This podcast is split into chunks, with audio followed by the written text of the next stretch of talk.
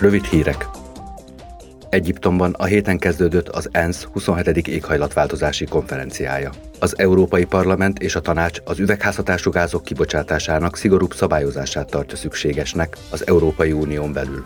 Megállapodásuk értelmében minden uniós tagországnak feszesebb ütemben kell majd csökkentenie kibocsátását, és kevesebb lehetőségük lesz a kibocsátás kereskedelmi egységek átruházására, átvételére vagy tartalékolására. A tagországok elszámoltathatóságát növelendő az Európai Bizottság könnyen hozzáférhető formában közé fogja tenni a teljesítéssel kapcsolatos információkat.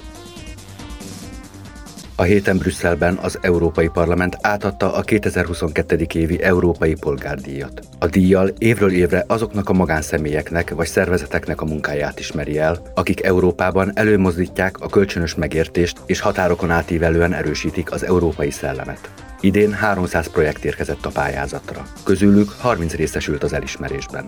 Az ünnepélyes díját adott Ditta Haranozova, a díj kuratóriumának elnöke nyitotta meg.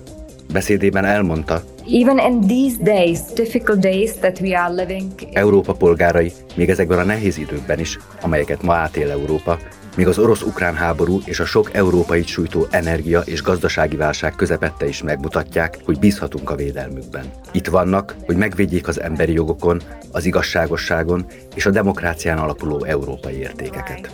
justice and democracy. A Promote Ukraine nevű civil érdekképviseleti és média szervezet külön elismerésben részesült. Holnap Moldovába látogat az Európai Parlament elnöke Roberta Metzola.